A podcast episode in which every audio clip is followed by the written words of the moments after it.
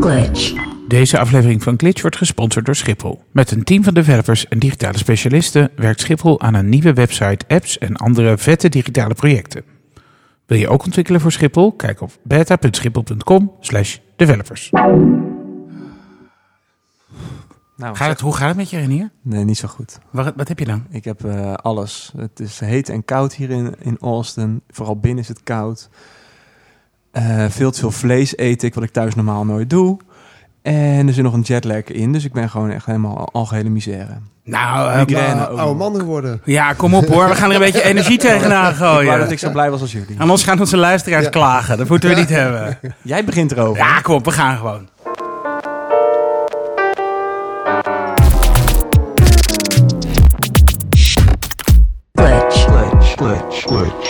Glitch. Zuid Zuidwest dag 4. Glitch, daar zijn we weer. Glitch is een... Dit is Glitch. Dat is het. Dat doe ik altijd. Ja. Dit is Glitch. Een podcast over de interactie tussen mens en machine. Nee, iets met een snijplank van, van machine voor mens. Wat? De snijplank van machine voor mens. De snijplank van machine voor mens. Ik ben David Linsen. ik ben Reinier Ladan. Ik ben Joost Holthuis. En we hebben vandaag als gast Willem Rosie. En eh, Willem is de CEO van Sofa Superstars. En eh, misschien is het echt veel en veel beter als jij vertelt wat Sofa Superstars is en wat jullie doen. Leuk eh, dat ik erbij mag zijn, dat ten eerste. Sofa Superstars is een jonge start-up uit Amsterdam. Sinds anderhalf jaar zijn wij bezig met het maken van zogeheten fantasy sports games. Voor mensen die niet weten wat fantasy sports is. Wij maken de combinatie tussen de echte sport, wat er echt in het veld gebeurt, en de online omgeving. Dus dan kan ik eh, eh, eh, wat online meespelen? Ja, kan ik online zelf voetballer worden? Hoe werkt dat? Bijna. Je wordt, je wordt voetbalcoach. We hebben een site die heet coachvanhetjaar.nl. En daar zijn 30.000 mensen die bij ons zich hebben ingeschreven. Op het moment dat je dat doet, krijg je van ons meteen een vette portemonnee gevuld met 32 miljoen eurotjes. En daar kun je een eigen voetbalteam van kopen. Dat doe je in de eredivisie. Je mag per team in de eredivisie één speler kopen. Je moet een echt team maken. Dus verdedigers, middenvelders, aanvallers, een keeper op de goal. En vervolgens gaan die mannen in het echt voetballen. Dus de eredivisie die je toch al volgt. Daar kijk je naar. En op het moment dat jouw man een doelpunt maakt, scoor je punten. En als je nou, zoals ik, niet van voetbal hou, wat doe je dan? Dan eh, ga je proberen om toch van de vriendjes die altijd en alleen maar over voetbal spreken en praten. En waarbij jij er dan bij staat van, jongens, waar gaat het eigenlijk over? Proberen toch te winnen. Want als je goed naar de statistieken kijkt, dan hoef je geen verstand van voetbal te hebben om toch te kunnen winnen. Oh, dat is leuk. Dus dit is een numbers game. Maar het is, het is een numbers game, absoluut. Moneyball. Eh, Bijna wel. Oh ja, leuk. Ja, Iets zeker voor, leuk. eh, ja. Artificial Intelligence. Eh, nou, dat zou heel goed kunnen. Ik denk dat je wel bots kan bouwen, maar dan heb je heel veel historische data nodig. En eh, het lastige is dat ehm, geen jaar hetzelfde is. En dat is het mooie aan sport. Fijn eh, dat je hier bent. Ehm, eh, we hebben je speciaal gevraagd omdat er dit jaar op Cyber Zuidwest ook een hele track is, was vorig jaar ook al, over Cyber Zuidwest Sports of South by, South by Sports. South by Sports. Ehm, eh, dus heel leuk als we jou, met jou daar straks uitgebreid eh, gaan praten over wat jou daarin is opgevallen en wat je daarbinnen hebt meegemaakt. Ja. Maar eh, heel eerst even met Joost en Renier. Joost, ehm, hoe was je dag? Heet, lekker. Ja, ik vond een topdag eigenlijk. We hebben ontzettend genoten. En ik heb mijn, eh, ja, mijn, mijn, mijn, een van de oude helden gezien, John ik, weet, Maida. ik weet zeker dat onze luisteraars het heel fijn vinden om te Oh, horen dat- dat, jij ontzettend hebt zeker. genoten. Maar wat heb je gezien? Nee, John, eh, John Maida. Van, eh, dat is de oude president van de, de Rhode Island School of Design. Maakt ieder jaar een rapport over een survey over design in tech.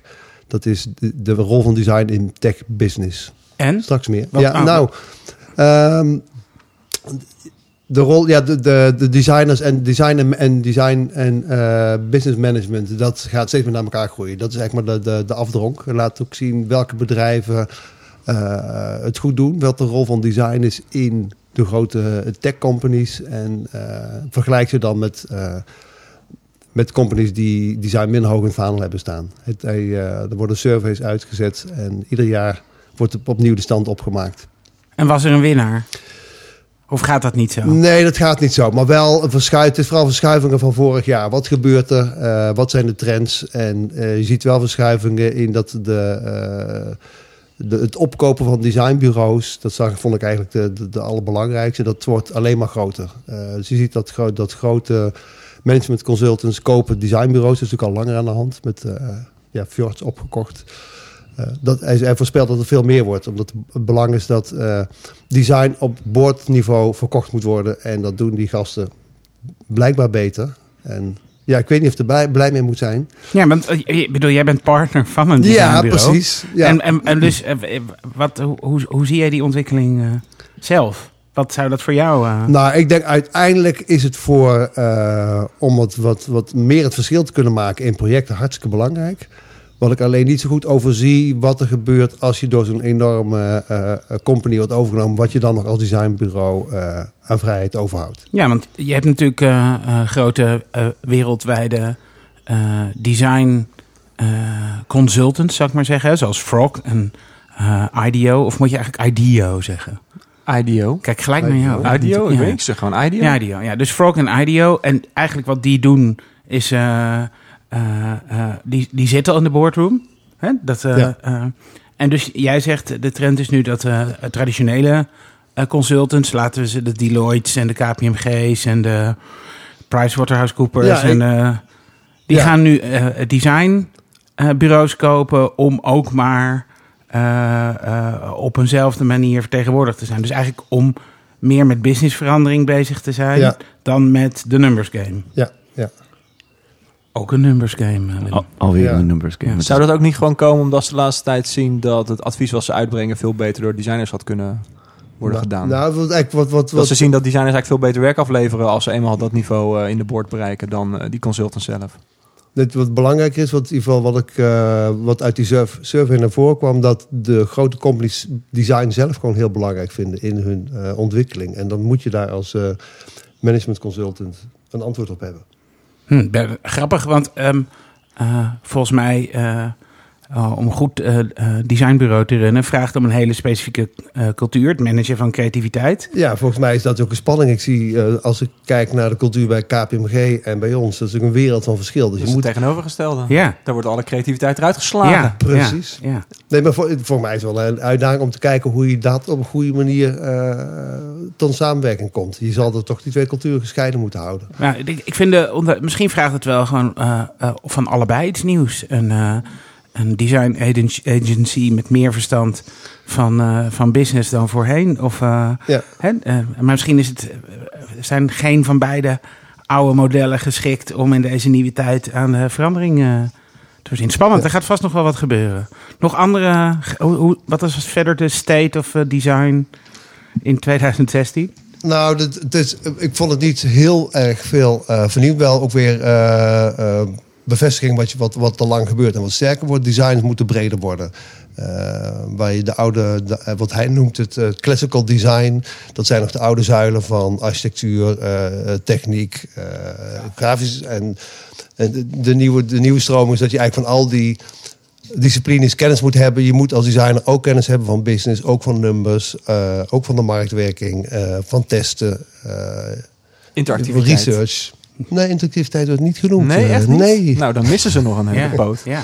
Ja. Maar ik vind, ik nee, vind om dat- mee te kunnen praten. Je moet straks met die consultants aan, eh, kunnen communiceren. En je moet een, een wat veel breder eh, visie hebben op, op design en, en business. Uiteindelijk is dat. eh, Ik vind, ik vind wel, dat is wel, dat, dan ben je hier wel op een goede plek.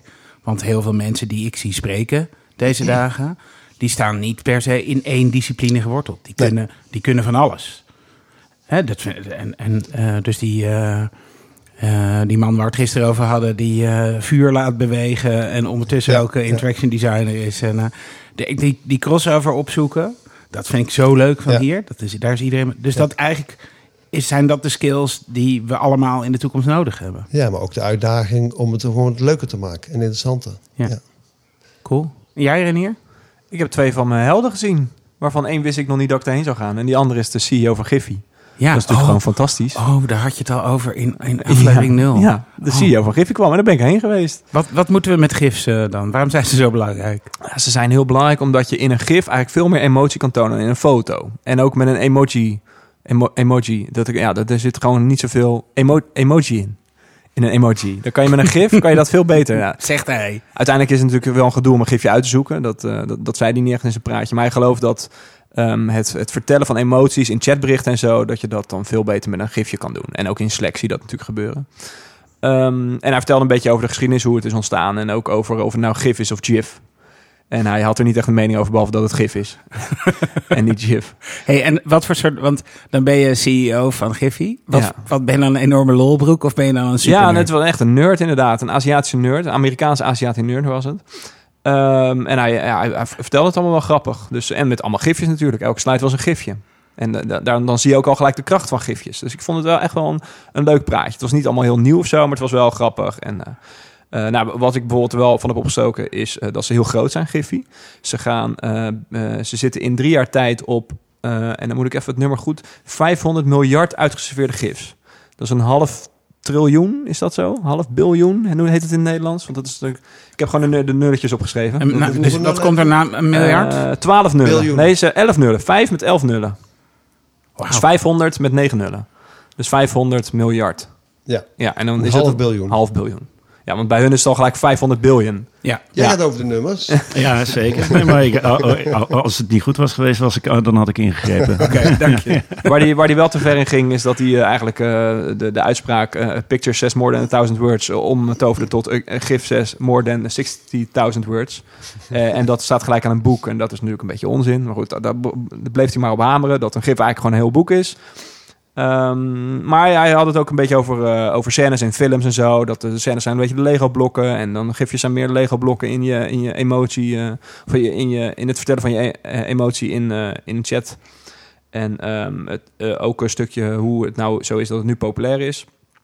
Oh. Ehm, nou, dat is omdat Tumblr het heel erg heeft omarmd. Vijf Ja. jaar geleden nog maar eigenlijk. Ja. Hè? Tumblr is ook nog niet zo heel oud. En sinds een jaar pas Twitter en Facebook. Ehm, en daarvoor was het ook heel moeilijk om een gifje te maken. Dat, dat zat in Photoshop verborgen of in, eh, in, in eh, After Effects kon je wel gifjes maken. Maar dat is echt voor professionals. En tegenwoordig kun je gewoon met allerlei apps op je telefoon kun je al gifjes maken. En eh, je kan ze nu ook heel makkelijk delen. Maar bijvoorbeeld Google biedt nog steeds geen ondersteuning voor gifjes. Als je daar gaat zoeken op gifjes, dan krijg je statische plaatjes. Dat is best wel gek eigenlijk. Hè? Ja. Google die biedt helemaal geen... Nee, dat gaat niet goed. Dan krijg je statische plaatjes. Dat is best wel gek eigenlijk. Nou, commercial. glitch, Gooi, er- gooi er anders een tune in, eh, David. commercial. Bam. Je hebt nog een andere sessie gezien? Ja, George Hotz. Maar dan gaan we eerst even naar de sponsorbreak. Of hebben we dat nu al gehad? Helemaal prima. Oké. glitch, Deze aflevering van Glitch wordt gesponsord door Schiphol. Wij vinden Schiphol een van de beste luchthavens ter wereld. Je kunt het als passagier overzien, je weet waar je moet zijn en alles is goed geregeld. En dat is geen toeval. Het is het resultaat van jarenlang nadenken over hoe de gebruiker zijn vliegreis beleeft en daarop inspelen en ontwerpen. Digitale middelen zijn een steeds belangrijker onderdeel van die ervaring geworden. Daarom werkt Schiphol met een team van developers en digitale specialisten hard aan een nieuwe website, apps en andere vette digitale projecten. Maar je hoeft ons niet te geloven, we vragen het gewoon even aan iemand uit het team. Ik ben Frank de Jonge. Ik ben hier eh backend developer. Over het algemeen eh, verantwoordelijk voor heel veel van de messaging-achtige dingen. Dus eh, de eh, verschillende gedeeltes van de applicatie, hoe die eh, met elkaar praten. Wat ik tof vind, dat is hoe hier kennisoverdracht gedaan wordt. Er zijn heel veel mensen die heel goed zijn in een bepaald ding. En hoe dat tussen die verschillende disciplines of expertises overgedragen wordt naar andere mensen in het team. Dat, is, dat heb ik zelden zo goed gezien als dat hier gebeurt.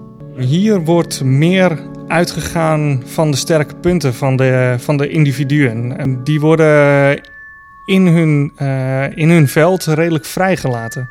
Eh, en dat zie je, daar haalt, eh, haalt het beste in iedereen naar boven. Waar je bij anderen wellicht gewoon maar meer de code monkey moet zijn, moet je hier meer de expert zijn. Dus eh, als dat je trekt en je, je wil die verantwoordelijkheid, dan, eh, dan kan dat hier. Wil je misschien ook ontwikkelen voor Schiphol? Kijk op beta.schiphol.com slash developers. George Hotz. Ja. Ehm, Gerbrand, met wie we hier ook zijn. Gerbrand Meijer. Oh, ga je... Oké, wacht even. Ja? wa- Want die wil niet voor de Jij gaat elke dag nieuwe mensen voor de luisteraars introduceren. Ja, Gerbrand Eerst is er ook over bij. een Stijn gehad, die niemand kent. En nu is er ook een Gerbrand. Ja, zeker. Gerbrand zit ook in ons huis. En die ehm, stuurde in de Slack, want we hebben een eh, gezamenlijke Slack met z'n allen. Stuurde die van, hé, hey, ik ga naar deze sessie. Die had ik nog niet gezien. En dat ging over, I built a better self-driving car than Tesla. En toen dacht ik, hey, die gast ken ik. Dat is George Hotz. En daar heb ik het al vaker met Wietse in de Abs en over gehad. Over George Hotz. Die gast is eh, eh, lichtelijk geniaal en extreem gek ook wel.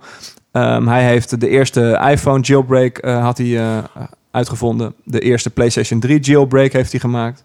Eh, en nu is hij, ehm, omdat, hij, omdat het, het hem niet zinde wat voor contract hij bij Tesla zou krijgen om, een, om mee te werken aan de zelfrijdende auto, heeft hij eh, nu in zijn garage een Mazda staan volgens mij. En daar bouwt hij gewoon zelf camera's in en, Ik heb een, ik heb een en een joystick. fantastisch artikel over hem Ja, gelezen. Bloomberg volgens Bloomberg, mij. Ja, Bloomberg Business Ja. Week. En dan de journalist eh, die uitgenodigd wordt bij hem om dan eh, mee te gaan in die zelfrijdende auto. Ja, Dan gaan ze, gaan ze een stukje rijden. ja. En dan hebben ze zo'n gesprek. En dan vraagt de journalist: zeg, en hoe, lang, hoe lang heb je het nou al aan de praat? Ja. Ja, sinds vanochtend negen uur. Heb je het dan getest? Nee, dat doen we nu. Ja, hij had toen op dat moment ook nog maar 10 uur driving experience in die auto zitten. Maar weet je, vind het, het is grappig, weet je wie die journalist is? De Nee. schrijver van de biografie over Elon Musk. Ashley Vance. Oh, wauw. Ja. En ehm, hij deed ook nog een boekje over, over, over, eh, open over de, het contract dat hij zou krijgen. Hij, zou, eh, hij mocht meewerken aan het visuele aspect van de zelfrijdende auto bij eh, Tesla. En daar zou hij, als hij het morgen leverde, zou hij 12 miljoen dollar krijgen. En voor elke maand langer zou hij een, do- een miljoen dollar eraf moeten halen.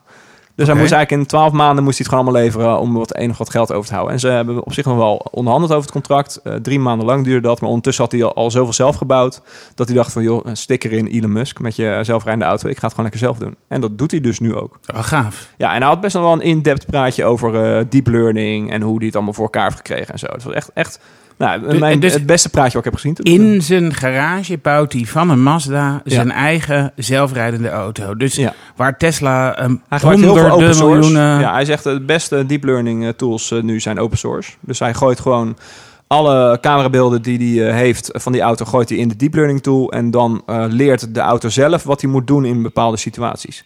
Eh, zo heeft Google natuurlijk ook zo'n deep learning tool. Daar gooi je honderd, een miljoen plaatjes van tijgers in. En dan gooi je er een extra plaatje in van tijger. En dan weet Google, hé, hey, dat is een tijger. Zo, zo werkt het ongeveer.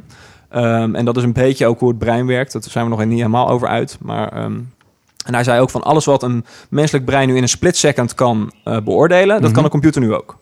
Dus de moeilijkere dingen voor mensen als, waar we het als lang je over geleerd hebt van tevoren. Ja, met deep learning Ja, ja. gebeurt dat, ja. Dus ook wel wat een stoel is, dat is best wel een moeilijk probleem. Want eh, waar ligt de grens tussen een stoel en een tafel soms? Hè? Soms heeft een stoel geen rugleuning, soms wel. En, maar door deep learning kun je dat in een computer heel makkelijk eh, leren. Nou maar, ja. maar ook voor ons is dat af en toe natuurlijk een... eh, Ja, maar wij hebben er wel een gevoel voor gekweekt. Wij Ja. weten wel wat een stoel is en wat niet. Eh, maar inderdaad, dat kan soms ook lastig. Maar dan is het voor een computer ook lastig. Maar, maar, maar Google, eh, eh, eh, die natuurlijk heel druk zijn met hun eh, zelfrijdende auto... eh, die hebben heel veel eh, tijd en geld geïnvesteerd in... God, hoe heet zo'n apparaatje? Soort radar? LiDAR. LiDAR, LiDAR. Ja, hij gebruikt geen LiDAR, want dat kan hij moeilijk aan zijn deep learning tool eh, voeden. Hij gebruikt zes visuele camera's, dat is het. En daar, dat, hij zegt ook dat is genoeg. Maar dat is idioot veel goedkoper gelijk. Want, ja, voor 1000 dollar heb je, kun je zijn kit kopen binnen een paar maanden. Ja.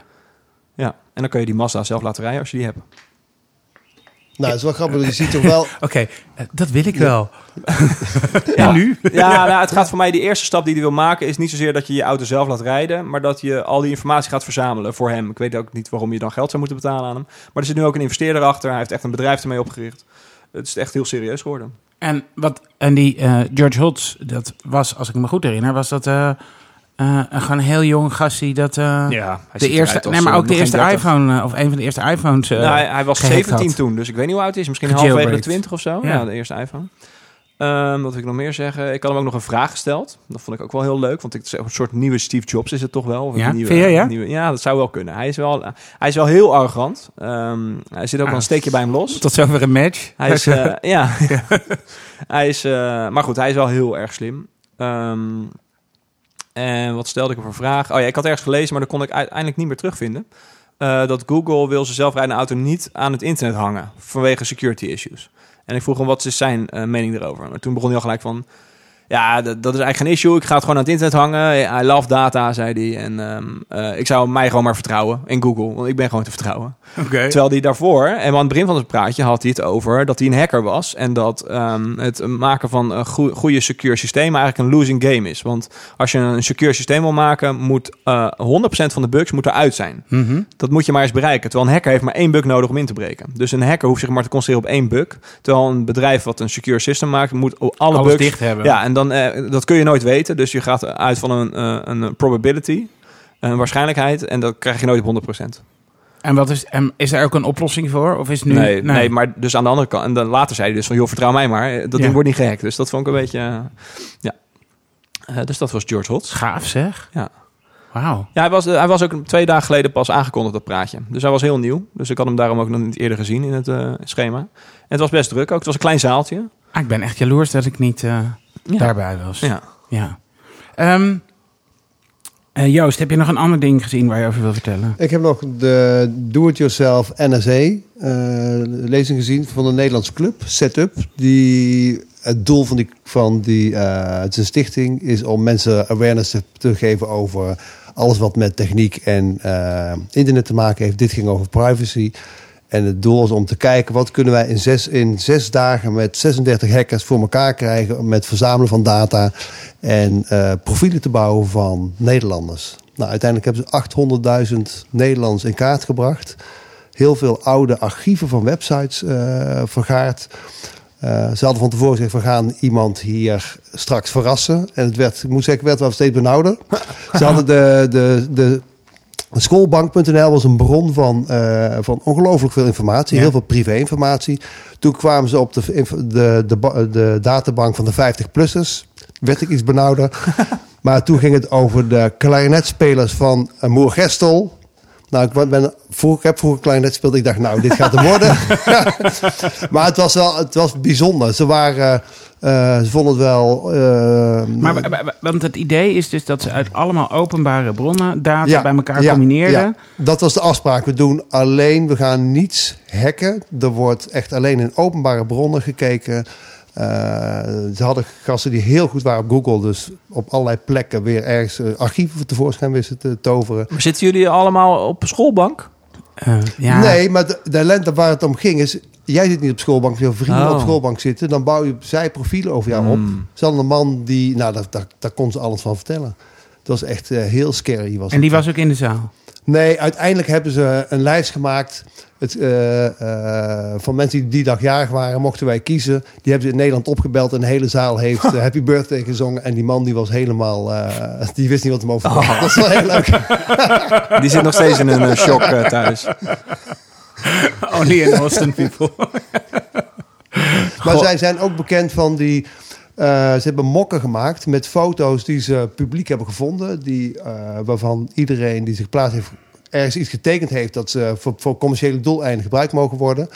En die mokken zijn de handel in gegaan. Ze hebben een, een fake webshop gemaakt. En mensen herkenden hun kinderen. Dus die zagen ineens, ja, ik heb een mok met mijn kinderen... of van mijn vakantiefoto online eh, te koop. Dus zijn allemaal heel erg boos geworden. Uiteindelijk was het fake.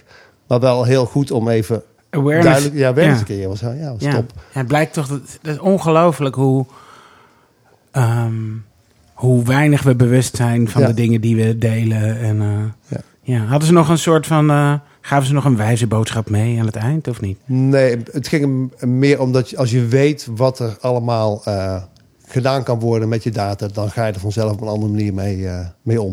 Het was geen wijze les van gooi niks op online. Of, je moet gewoon weten wat er gebeurt. Als jij eh, eh, iets op straat eh, legt, dan weet je dat iedereen erbij kan. Dat is eigenlijk meer de boodschap. hey Willem, deel jij, eh, eh, ben jij eh, eh, gemakkelijk in het delen van online dingen? Nee, helemaal niet. Nee? Nee, ik heb zelfs geen Facebook profiel. Wel gehad en gestopt? Of, eh? Nee, nooit gehad. Ik heb nooit hives. Dat eh, laat ik allemaal vrolijk aan mij passeren. Ja. Schoolbank, dat soort dingen. Ben je lid van een, van een vereniging? Nee. Want Ja. dat, dat is, er waren ook akelige bronnen. Het is een hockeyclub waar alle eh, gegevens van jou gewoon eh, verspreid worden. Slecht versleuteld. eh, ja. Ja, je bent ook eigenlijk heel afhankelijk van anderen Ja, of zij het ja, goed doen. ja, ja. Ja. Ja. Nou, Nee, verder dan LinkedIn ben ik nooit gekomen. Oh ja, ja. ja. ja. Ik wil eh, van Facebook af, maar ik doe het steeds niet. Ik weet niet wat het is. Sociale zelfmoord. Ja. Straks hebben we een glitch fanpage op Facebook. Dan kan je niet voor Facebook Zie je, dat is moet het. je Dat soort dingen Ja. ja. Ja, nee, ik had het enige reden dat, dat me hield is dat er een hele leuke besloten groep was waarin we televisieseries eh bediscussieerden. En dat vind ik dan zo, dan, ja, dan is het, Ja.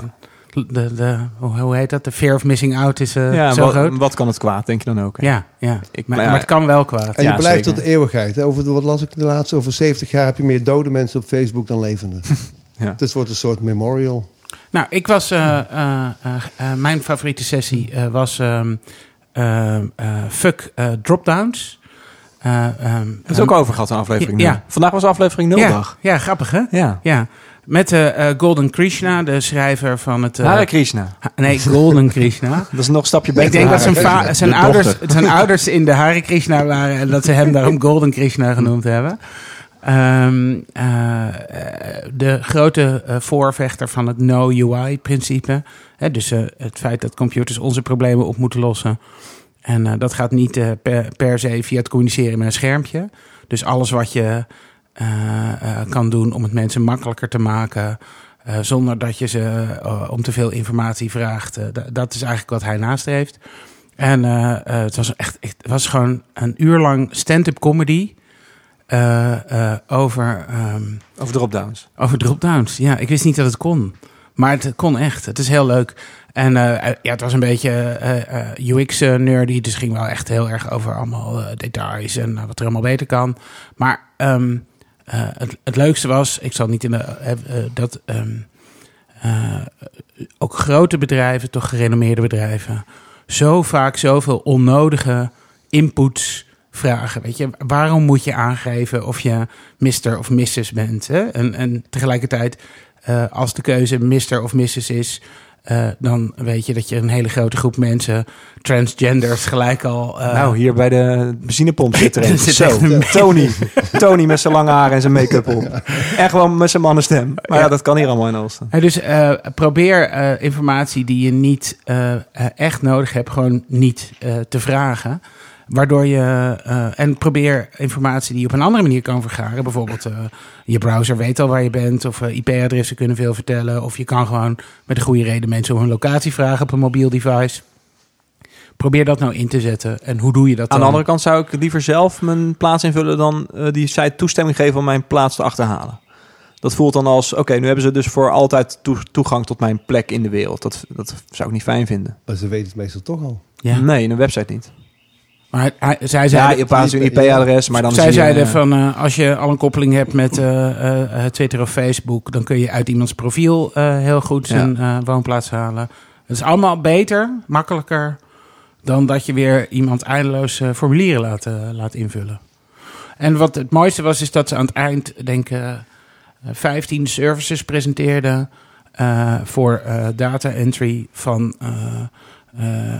ID-scanners. eh, dat je je paspoort eh, eh, een fotootje van moet maken en dat de gegevens daarvan overgenomen worden. Ja. Nou, daar hadden ze gewoon 15 verschillende services waarmee je dat eh, kan doen. Maar echt een geweldige talk. En ik had gelijk al gevraagd, omdat het zo visueel was, vertelde het een beetje lastig, of hij eh, ergens online stond. En ik zal het in de show notes zetten als we het vinden.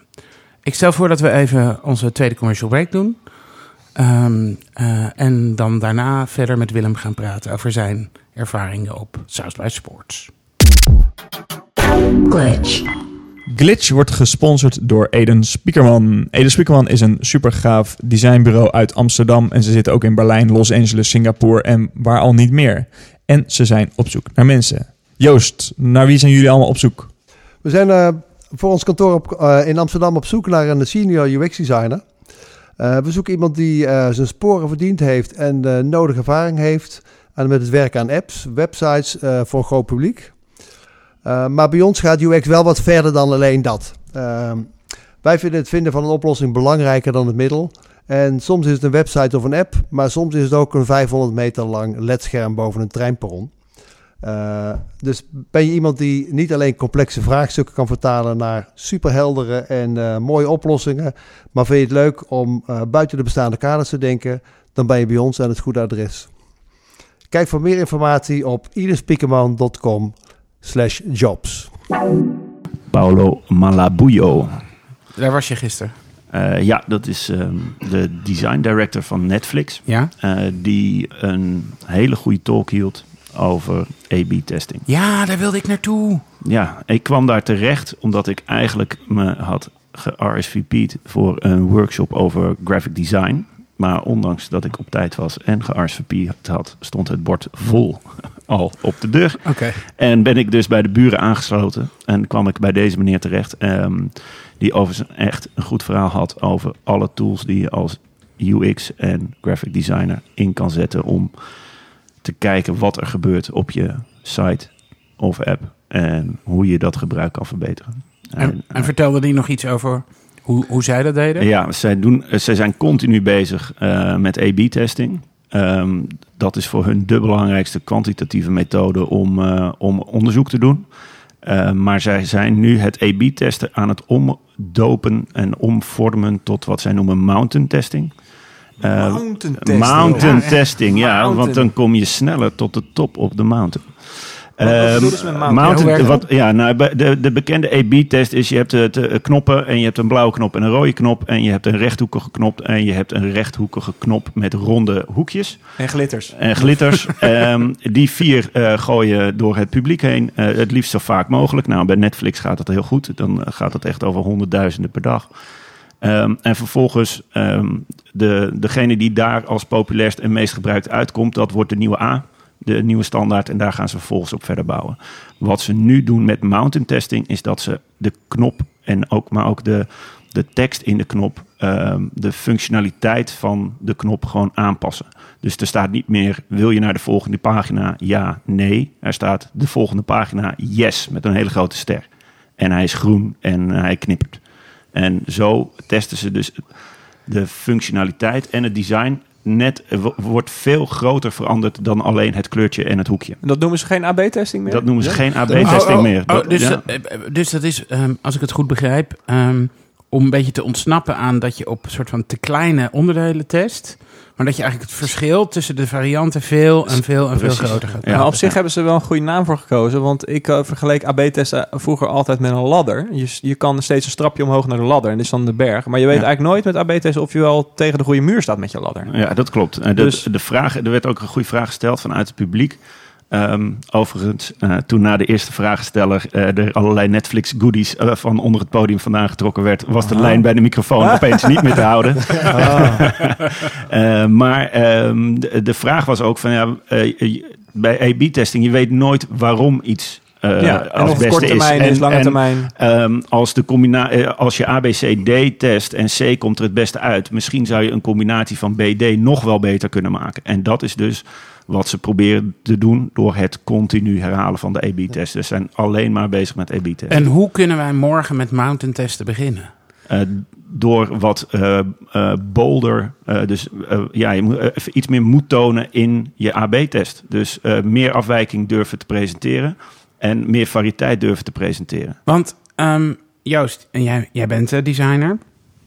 Ehm, eh, ik vat ik heel, hè, wat Renier zegt, eh, soms moet je die ladder tegen een andere muur zetten om, eh, om hoger te komen. Dus soms moet je echt met design een mega stap vooruit zetten en kun je niet je weg omhoog testen. Hoe kijk jij daar tegenaan? Nou, ik ben eigenlijk niet zo fan van AB-testen. Dat is inderdaad, zeker als je op een kleurtje hebt, is vooral nudging, links en rechts. Dat kun je eindeloos blijven doen. Ik vind een beetje een patch maken op je design en eindeloos patchen. Hou je er misschien eh, een, een product over wat eh, door de test heel goed eh, heen komt, maar totaal aan visie en vernieuwing ontbreekt. Volgens mij is het, ik zou eerder, daarom vind ik dit mounting testing klinkt al een stuk beter. Volgens mij moet je twee hypotheses hebben behoorlijk groot. En dat kan, ik vind dan een klop sowieso nog veel te klein. Je kunt zeggen, nee, pak hele stukken van pagina's die je met een andere visie hebt opgebouwd. En kijk dan wat het beste werkt. Dan kan je grote stappen maken. Ja, het, het voorbeeld wat, eh, wat die spreker gebruikte om aan te geven dat het wel werkt, dat AB-testen, was de Obama-campagne van 2008. Dat is het voorbeeld. Dat heb Dat ik is- echt al ja. 26.000 keer eh, gezien. Ja, en, Dat- en, dat- de- hem ook gekwantificeerd. hebben ze een heel ja. bedrijf opgestart. Hè? Want Ja, dat klopt, is de, ja. de man van Optimizely die altijd dat verhaal houdt. Ja, dus hebben tijdens die campagne hebben zij de website van Obama, die eigenlijk alleen maar gebruikt werd voor fundraising, 500 keer ge-AB-test. Dus er was gewoon één grote AB-test gedurende de hele campagne. En zij hebben gekwantificeerd dat dankzij die AB-testen ze 40 miljoen dollar meer aan eh, fundraising hebben opgehaald dan wanneer ze dat niet hebben gedaan, Ja. zouden hebben gedaan. Maar ik, wat ik... eh, Het ultieme- Maar dat, dat is, conv- dat is conversie. Dat Conversie, ja. precies. ja, ja. Conversieoptimalisatie is toch iets anders dan ga je hè, eh, dan sec design. Hè, want bij design heb je een, een, een, een merkcomponent, een brandingcomponent. En het gaat ook echt om het oproepen van emotie. Ja, En bij conversie heb je gewoon één doel.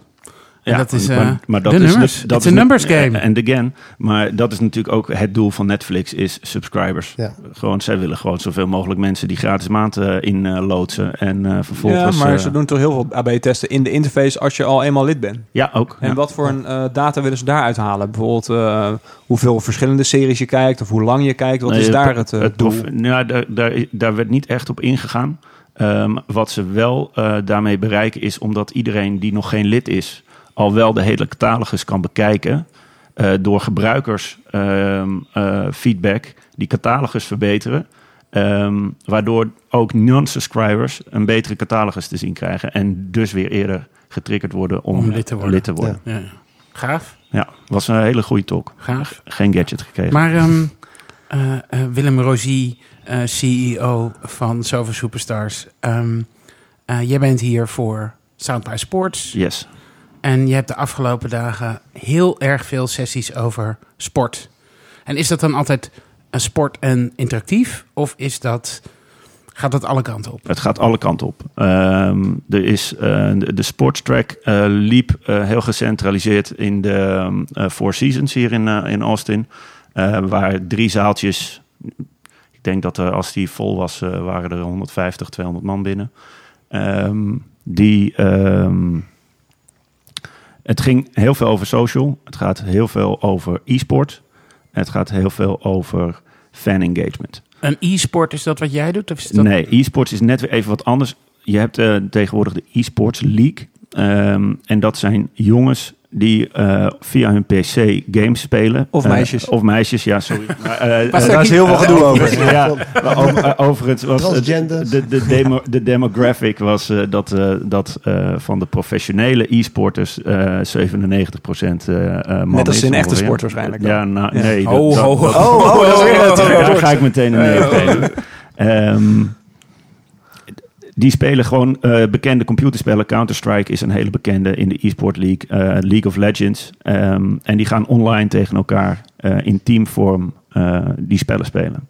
En dat is ontstaan in Zuid-Korea. Ehm, in Zuidoost-Azië is het mega. Echt groter dan normale sport. Er kijken meer mensen naar jongens die op een PC een, een Counter-Strike spel aan het spelen zijn... dan dat er naar een voetbalstadion gaan. Er is vorig jaar in Madison Square Garden hier in New York een heel groot event geweest. Dat werd eh, live gestreamd en daar keken wereldwijd 27 miljoen mensen naar. Ehm, Madison Square Garden was drie dagen lang volledig uitverkocht. Wauw. Ehm, en dat heeft hier in Amerika behoorlijk wat teweeg gebracht. Dus ehm, het panel bestond ook uit mensen van broadcasters, Turner Broadcasting, die het gewoon heel groot gaan oppakken in Amerika. Rick Fox was er. Ehm, dat zal de meeste Nederlanders niet zoveel zeggen. Hij is oud professioneel basketballer, drie keer kampioen van de NBA met de LA Lakers. En hij is nu teameigenaar. Hij is er vol in gegaan. Hij is eh, dik aan het investeren, omdat hij daar... A, omdat hij een avid gamer is, zoals hij het zelf zegt zijn zoontje hem ooit een keer teleurstelde door te zeggen: Papa, ik word geen NBA-basketballer, ik word professional e-league speler. en eh, zo is hij een beetje in die wereld gerold. En hij had hele goede insights over wat het kost om zo'n team op te zetten. Hij heeft nu een eh, League of Legends team met jongens van over de hele wereld: Zuid-Korea, Denemarken, Amerika, eh, en nog een andere Aziatische jongen, Taiwan, geloof ik, weet niet precies. Ehm, en die man van Turner die vertelde gewoon: ja, oké, wij gaan hier ook dik in investeren. Ehm, en wij gaan hier, eh, we zitten erin voor de long haul. Dus we gaan er echt een story van maken. En e-sports wordt groot op televisie.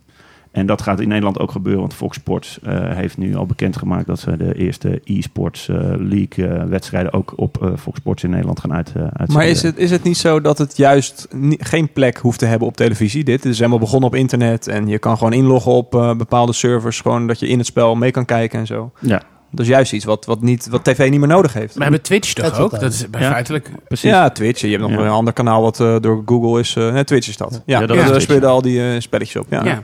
Ja. Nee, maar en dat is dus het leuke eraan. Dat eh, mainstream gaat het dus oppakken. Het is helemaal niet nodig. En mensen die, eh, die de weg weten te vinden naar die spellen, die kijken er al lang naar. Alleen er zijn nog veel meer mensen die de weg niet weten te vinden via de Twitches van deze wereld. En die vertrouwen dan op eh, de traditionele broadcasters om, om hier aandacht aan te gaan Maar hoe lang duurt dat nog? Eh, niet lang. Nee. Nee, maar dat hangt ook weer heel erg af van wat Twitch ermee gaat doen natuurlijk. Ja. Kijk, en als Turner tegen... Ja, het is dan nu onderdeel van Google, maar ehm, ehm, die, die, die mengeling die blijft er altijd.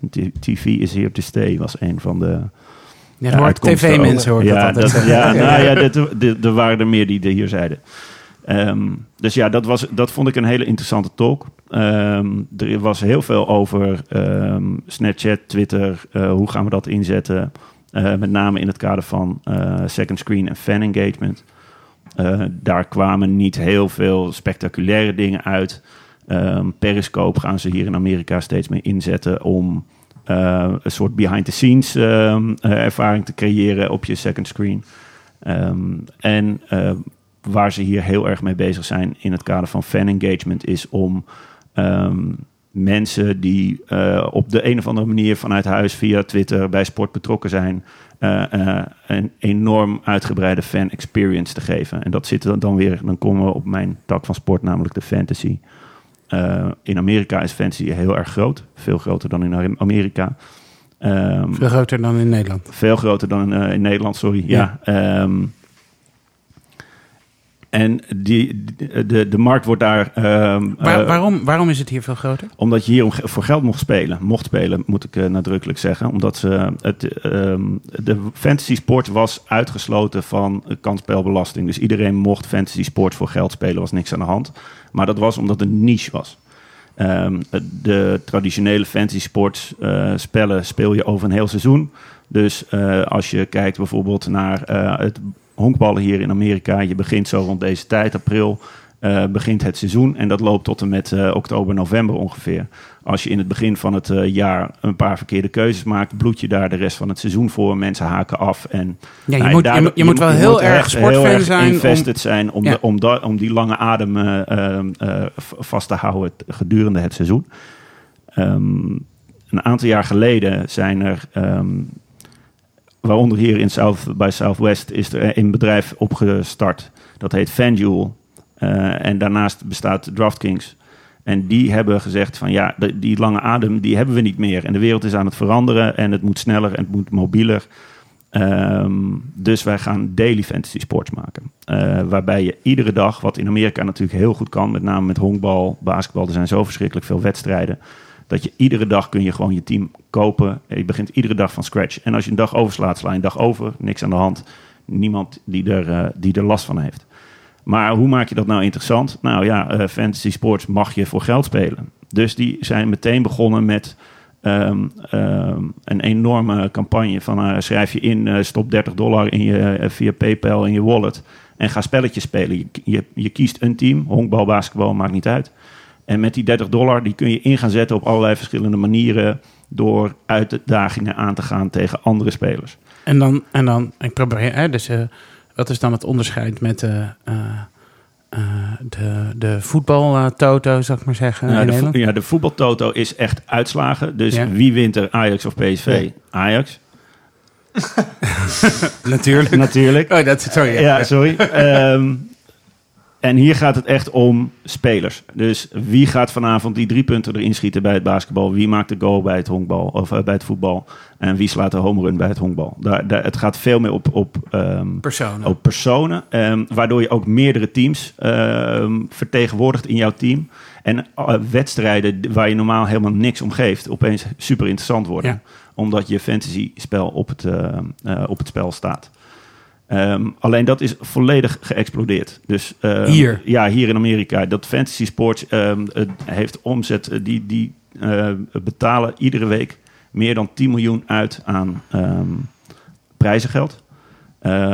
Ongeveer eh 35% van de Amerikanen heeft wel eens een eh fantasy spel gespeeld. Ehm, en dat, ja, de, nu, eh, het onderscheidend vermogen is nu wegvallen. De, doordat het zo groot is geworden, zijn opeens alle... eh, sta- de, de, de, de, Iedereen is wakker geworden. Iedereen is wakker geworden en heeft gezegd van... oh, wacht even, maar er gaat hier nu zoveel geld in. Dat moet gereguleerd worden. Ja. Dus overal is een streep doorgezet. En nu langzaamaan, staat voor staat, is in Amerika... wordt, ehm, wordt het of vrijgegeven of eh, is het prohibited. En, maar het, het gaat via het internet. Ja. Dus eh, eh, heel vaak kun je dingen over het internet niet tegenhouden. Nee, klopt. Maar ehm, eh, die jongens die, dat, die die spellen beheren, die, ja, nee, in Amerika zijn ze dan toch wel wat voorzichtiger en conscientieuzer. En zeggen ze, oké, wij wachten nu op Ja, ja, dus als jouw creditcard in, eh, in Texas geregistreerd staat en het mag hier niet, dan mag je gewoon niet meespelen. Nee, dat, dat, dat houden ze heel strikt in de gaten. Het lukt ook niet om bijvoorbeeld vanuit Europa daar heel makkelijk aan mee. Je kan je niet zo even heel makkelijk inschrijven voor een betaalde league. Zij doen ook heel veel eh, niet betaalde dingen. Dus je kan gewoon wel het spel spelen. Alleen speel je dan niet om, eh, voor geld. En om zeg maar, het wegvallen van het geld nu te compenseren, zijn ze enorm in die fan experiences gegaan. Ja. Dus eh, zij zijn nu zo groot dat zij zijn titelsponsor van bijvoorbeeld de NBA, maar ook van een heleboel teams. En ehm, een heel mooi voorbeeld wat ze gaven was in het American Football bestaat een team dat heet de Jacksonville Jaguars. En daar hebben zij gewoon een complete tribune overgenomen van FanDuel. Dat noemen ze nu FanDuelville. Ehm, daar kunnen 3000 man op. Eh, dat is gewoon een openbare tribune. Maar de bovenkant van FanDuelville, daar hebben ze een dek van gemaakt met een eh, zwembad. En dat is. ehm, en als je dus een van hun spellen wint, dan word je de mayor of FanDuelville. Wauw. Dan eh, mag je op het dek met vrienden. Mag je je dan vrienden ga je, dan ga je uitnodigen. vrienden uitnodigen, wedstrijd kijken, barbecuen. Mensen die dus zeg maar een kaartje op, de, op die tribune daaronder hebben, die mogen bij jou op bezoek. Ah, ja, en Die dan is- kunnen eh, pay their respects to the mayor, zoals dat zo mooi eh, genoemd werd. En, eh, Ja, en dan is hij ja, rond, hè? dan Dan- is hij ja. helemaal Dus dat rond, mag ja. wel. Je mag, Ja. mag geen geld uitgeven, tenminste eh, Nee. uitdelen, Nee, maar dit is- wel eh, prijsvragen, cadeautjes. Precies, Maar op deze ja. manier zie je ook volgens mij wel meteen het verschil tussen, tussen wedden en echt de waarde van het spel. Haal het geld eraf en je ziet wat de, de uiteindelijke waarde van het spel zelf is. Ja, tuurlijk. Ja, Ja. ja. Ja, maar en wat, wat ze dus zien is sinds de, het verbod is het gebruik niet afgenomen. Ja. Dus mensen blijven hangen omdat ze het gewoon ook een leuk spel vinden. Ja, eigenlijk de combinatie met het spel en de bragging rights met je vrienden. Precies, om, ja, eh, precies. Ja, dat is ja. belangrijker. Ja, die, sub, die sub-league cultuur. Dus ehm, binnen het grote spel een, spel, een, een, een mini-league, sub-league beginnen met je vrienden, collega's, familie, eh, wat je wil. Eh, zo groot als je wil. Die is, die is eigenlijk nog belangrijker. Eh, verdienen ze wel geld? Is ze verdienen gierend veel geld. Hoe verdienen ze geld? Eh, zij, eh, eh, als jij eh, in een... eh, Ze, ze mogen toch wel gewoon geld vragen voor het spelen van het ja, spelletje? ja, nee, je hoeft geen inschrijfgeld te betalen. Ah, ja. Je- maar je, je stort gewoon in je wallet. En net als bij online poker rekenen zij een bepaald percentage per Ja, maar voor de staten waar ze dat niet meer mogen doen. Hoe verdienen ze daar geld? Of verdienen ze genoeg met die staten waar het wel... daar verdienen ze genoeg. eh, waar, waar het wel mag, verdienen ze genoeg. Ja, Wauw, grappig. ja eh, eh, DraftKings overigens eh, sinds twee maanden ook in Europa. Ja, ja. Eh, ze hebben nu een kantoor in Maak Londen. je al zorgen? Nee. Waarom niet? omdat wij ehm, daar alleen maar hele grote kansen hebben. Wat wij bij Sofa Superstars doen, is dat wij, wij proberen niet Sofa Superstars het nieuwe DraftKings te laten worden. Ehm, wij faciliteren de techniek omtrent het fantasy-spel. Eh, wij zijn meer een B2B-oplossing. Dus als DraftKings een goede voetbaloplossing zoekt, die kant en klaar is, dan eh, gaan we graag met ze praten. Dat is eh, Oké, zoals wij erin tot zover de commercial. Ja, eh, hey, en, wat heb je verder nog? wat kunnen we verwachten op het sportdomein verder in de komende tijd? Met- Op basis van wat je gezien hebt?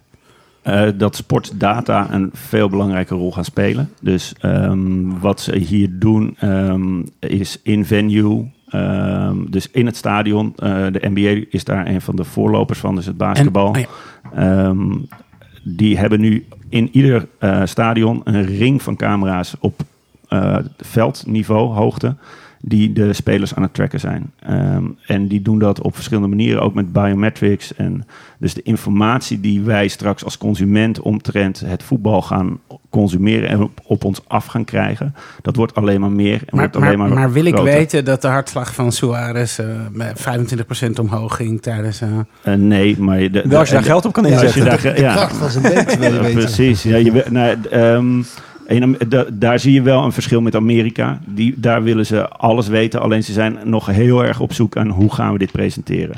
Ehm, dus ze doen al heel veel dingen eh, in een soort laag over de gewone ehm, eh, uitzending heen. Visueel bedoel je? Visu- een Ja. visuele laag, dus eh, fotootjes van spelers met statistieken. Ehm, eh, maar ja, de- daar krijgen ze nog heel veel feedback op terug van mensen die zeggen van ja, het is te veel, ik wil dit niet. Ehm, eh, eh, dan, ik zie opeens elf portretten mi- in, mijn- in mijn beeld terwijl ik gewoon naar een voetbalwedstrijd zit te kijken. Ik, ik hoef niet te weten wie er precies ieder moment op welke plek van het veld staat. Dus daar, daar, daar zit nu nog hier de uitdaging. Ze hebben enorm veel data. Alleen, hoe gaan we, dat nou, hoe gaan we die data nou in informatie En omzetten? Is de groep die, dat, eh, die echt al die data wil niet heel klein ten opzichte van de hele grote groep die gewoon wil kijken? Ehm, dat, dat zijn ze aan het onderzoeken. Ehm, ze zijn ervan overtuigd dat de, dat de groep heel groot is. Ehm, alleen hoe ze die gaan bedienen, dat weten ze nog niet. Oké. Wat vond je de meest, alle, meest inspirerende spreker die je tot nu toe gezien hebt? Dat was, ehm, ik kan zijn naam niet herinneren. Eh, ehm, ik was bij de, bij de grote talk over de Google Self-Driving Car. Ja. Eh, de, de head of the project van Google, die, eh, die presenteerde daar. En dat vond ik, dat heeft dus niks met sport te maken. Maar zo, de manier waarop en de visuals die hij daarbij gebruikte, daar liep je echt naar buiten van wauw, dit gaat gewoon echt binnen nu en weinig tijd gebeuren. Was eh, echt heel gaaf. Oké. Nou, Het gebeurt al in eh, garages. Ja, precies. Ja. Ja. Ja, ja. het gebeurt Ja. in garages. yourself. Ja. Ja. De, de, de, de, ze- er werden heel veel beelden in die. Hij gebruikte heel veel beelden van de dashcams van die auto's die nu die testritten in eh, Californië aan het maken zijn. Ehm, waarbij je ziet hoe goed die auto kan anticiperen op onverwachte dingen in het, eh, in het verkeer. Eh, ja, dat was, eh, dat was best wel. Ik, ik stond heel sceptisch tegenover die, die, dat hele robotcar idee. Maar dit heeft me wel. Ik ben nog niet 100% overtuigd, maar het heeft me wel een stapje dichterbij gebracht. Dat ik denk van ja, nee, dit is wel eh, heel goed. Scho Ja. Schoon we nog iets te binnen. Ja. Eh, Hots zei eh, ook nog iets over dat Google-project. Namelijk dat ze de verkeerde weg zijn ingeslagen. Eh, even een mooie... ja. ik had, ik had Nee, van ja, hem niks anders Nou ja, wat hij eh, vooral wil bereiken is de meest menselijk rijdende auto. Eh, niet dus de meest optimaal rijdende zelfrijdende auto. Dat wil hij pas eigenlijk initiëren als eh, nou ja, een heel overgroot deel van de auto's op de weg zelfrijdend zijn. Tot die tijd heb je met andere mensen op de weg te maken. En hij zei ook, de meeste ongelukken die nu met de Google Car gebeuren, komt door andere mensen. Die gewoon niet goed konden anticiperen op wat die Google auto deed. Want Uncanny hij- Valley. Ja, ja, hij, hij, hij neemt geen menselijke beslissingen. Dus daar wil hij meer op, eh, op zich op gaan richten. En dat vond ik op zich wel een, eh, een, een goed idee. Inclusief irritaties, Ja, misschien wel. Ja, nee, maar hij, ja, ja. dat zit ik Ja, ook gelijk ja, aan te ja, denken. Ja. Ja, ja. Nou, dat zal wel meevallen. Hij heeft het over... eh, het is alsof je honderdduizend mensen 20 keer per seconde laat stemmen op een beslissing. Eh, zo ziet hij zijn eh, zelfrijdende auto. Hon- wat?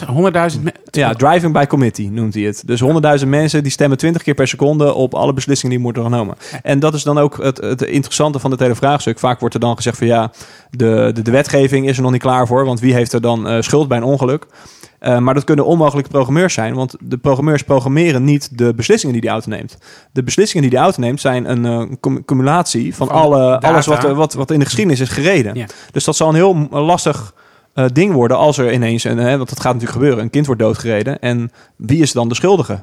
Ja. En- Zijn en het voorlopig-? Is het de bouwer van de ja, auto? en, en hij wil dat voorlopig voorkomen eh, door gewoon een stuur erin laten, laten zitten en gaspedalen. Want als je echt moet ingrijpen, dan moet je dat kunnen doen. Dus hij ziet nog geen toekomst voor een echt, een echt 100% zelfrijdende auto. Omdat er nog te veel mensen op de weg zijn die daar shit tegenaan kunnen. Ja, wat ik dan zo interessant ik kan me echt zo goed voorstellen dat als ik een semi-zelfrijdende auto heb, waar ik dan eigenlijk alleen eh, als een soort eh, eindbaas op moet letten of hij geen fouten maakt, dat ik dan gewoon binnen vijf minuten ligt te pitten. En Eh, dus dat ja, dat. maar dat is je eigen verantwoordelijkheid. Ja, dan. ja, maar, Ja. Dat, maar dat lijkt me. Hè, nu kan rijden je gewoon nog een beetje alert en wakker houden. Ja, maar je, je hoeft hem niet aan te zetten. Nee, Nee, dus ik zou dat ook niet Nie- doen als het nieuwe, laat nieuwe dilemma's. Nee, precies. Dat werd, dat werd ook in die talk. Ze, ze, de Google-werknemers eh, rijden in die dingen nu al. eh, al als test. Ehm, en daar, en die filmen ze tijdens het rijden van wat doe je nou eigenlijk eh, terwijl je eigenlijk eh, aan het stuur zou moeten zitten. Eh, en daar zien ze dus dat er gewoon eh, precies gebe- ze vallen niet in slaap, maar ze zijn met alles bezig behalve met het verkeer en de auto. En wat eh, natuurlijk heel nat- natuurlijk gedrag is. Zeker als je het vaker doet en je raakt eraan gewend. Dus ze zijn nu aan het kijken hoe kunnen wij in die auto ehm, dingen inbouwen om ervoor te zorgen dat je je aandacht op de juiste plek erbij houdt. Maar wat is dan uiteindelijk de winst? Als je toch je aandacht op de weg moet houden, kan Om- je niks anders doen. Nou, we moeten Ja. naar die 100% zelfde auto toe. En daar zit Ja, dus nog een, middenweg in. Ja. dat Ja, is de, de, Je moet een het soort wordt kloof stap- over. Je Ja. moet stap voor stap wordt het geïntroduceerd. En uiteindelijk zal het, is het idee dat ehm, het self-driving eh, wordt. En op het moment dat alle auto's op elkaar afgestemd zijn, ehm, gaat het vloeiender lopen. Dus heb je minder files, minder. eh, dat is het idee erachter. Ik, ik vind het eh, in elk geval weer ontzettend gaaf om te zien op deze Zuid bij Zuidwest. Hoeveel dingen. hè, de- het, het is heel lang een, eh, een festival geweest. eh, toch heel erg gericht op, zou ik maar zeggen, internet of media. En je ziet nu gewoon, het gaat over medical, het gaat over transportation. Transportation is heel groot dit jaar. NASA. Smart De- City. de ja, smart cities is heel erg groot. Al vond ik dit vind ik nog wel heel erg, is heel erg nog, Crypto Wars. ja. Hè, dus dus eh, spannend genoeg. Zeker. En ehm, ik zou zeggen, de laatste dag eh, komt eraan. Laatste dag uh, Zuid Zuidwest. Ehm, laten we nog even ons onderdompelen in eh, alle, alle spannende dingen. Laatste dagje. Laatste dagje. Dus eh, echt mega spannend eh, wat we eh, eh, morgen nog allemaal eh, gaan zien. Ja, ik, eh, volgens mij stond er morgen weer iets eh, over de NASA op mijn programma. Oké? Ja, dat sta je vooraan.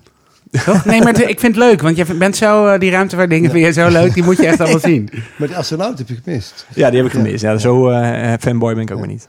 Oké, Ehm, Willem, eh, hartelijk bedankt dat je wilde komen vandaag. Superleuk dat je ons eh, meegenomen hebt in wat er gaat gebeuren in, in het sportdomein. Ja, dank voor de uitnodiging. Veel succes met het eh, verslaan van FanDuel eh in Nederland. Gaat goed komen. Ja, top. Ehm, dit was Glitch. Glitch wordt gemaakt door Joost Holthuis, Reinier Ladan en David Linsen. Ehm, onze muziek is gemaakt door de helden van Big Orange Music, die helaas dit jaar niet op Zuid Zuidwest kunnen zijn. Jammer, volgende keer beter. Onze wonderschone cover artwork is gemaakt door Linda Tettero van Ieder Spiekerman. En we bedanken graag onze sponsors van deze aflevering. Schiphol en Ieder Spiekerman. En ja, Renier, je weet het hè. Het zijn allebei heel erg leuke plekken. Hartstikke leuk om te werken. Dus ga dat ook doen als je denkt, nou, dat zou voor mij wel wat kunnen zijn. Echt. Het zijn echt hele leuke plekken om te werken. Dank jullie wel, hè. Doei. Doei. Doei. Doei doei.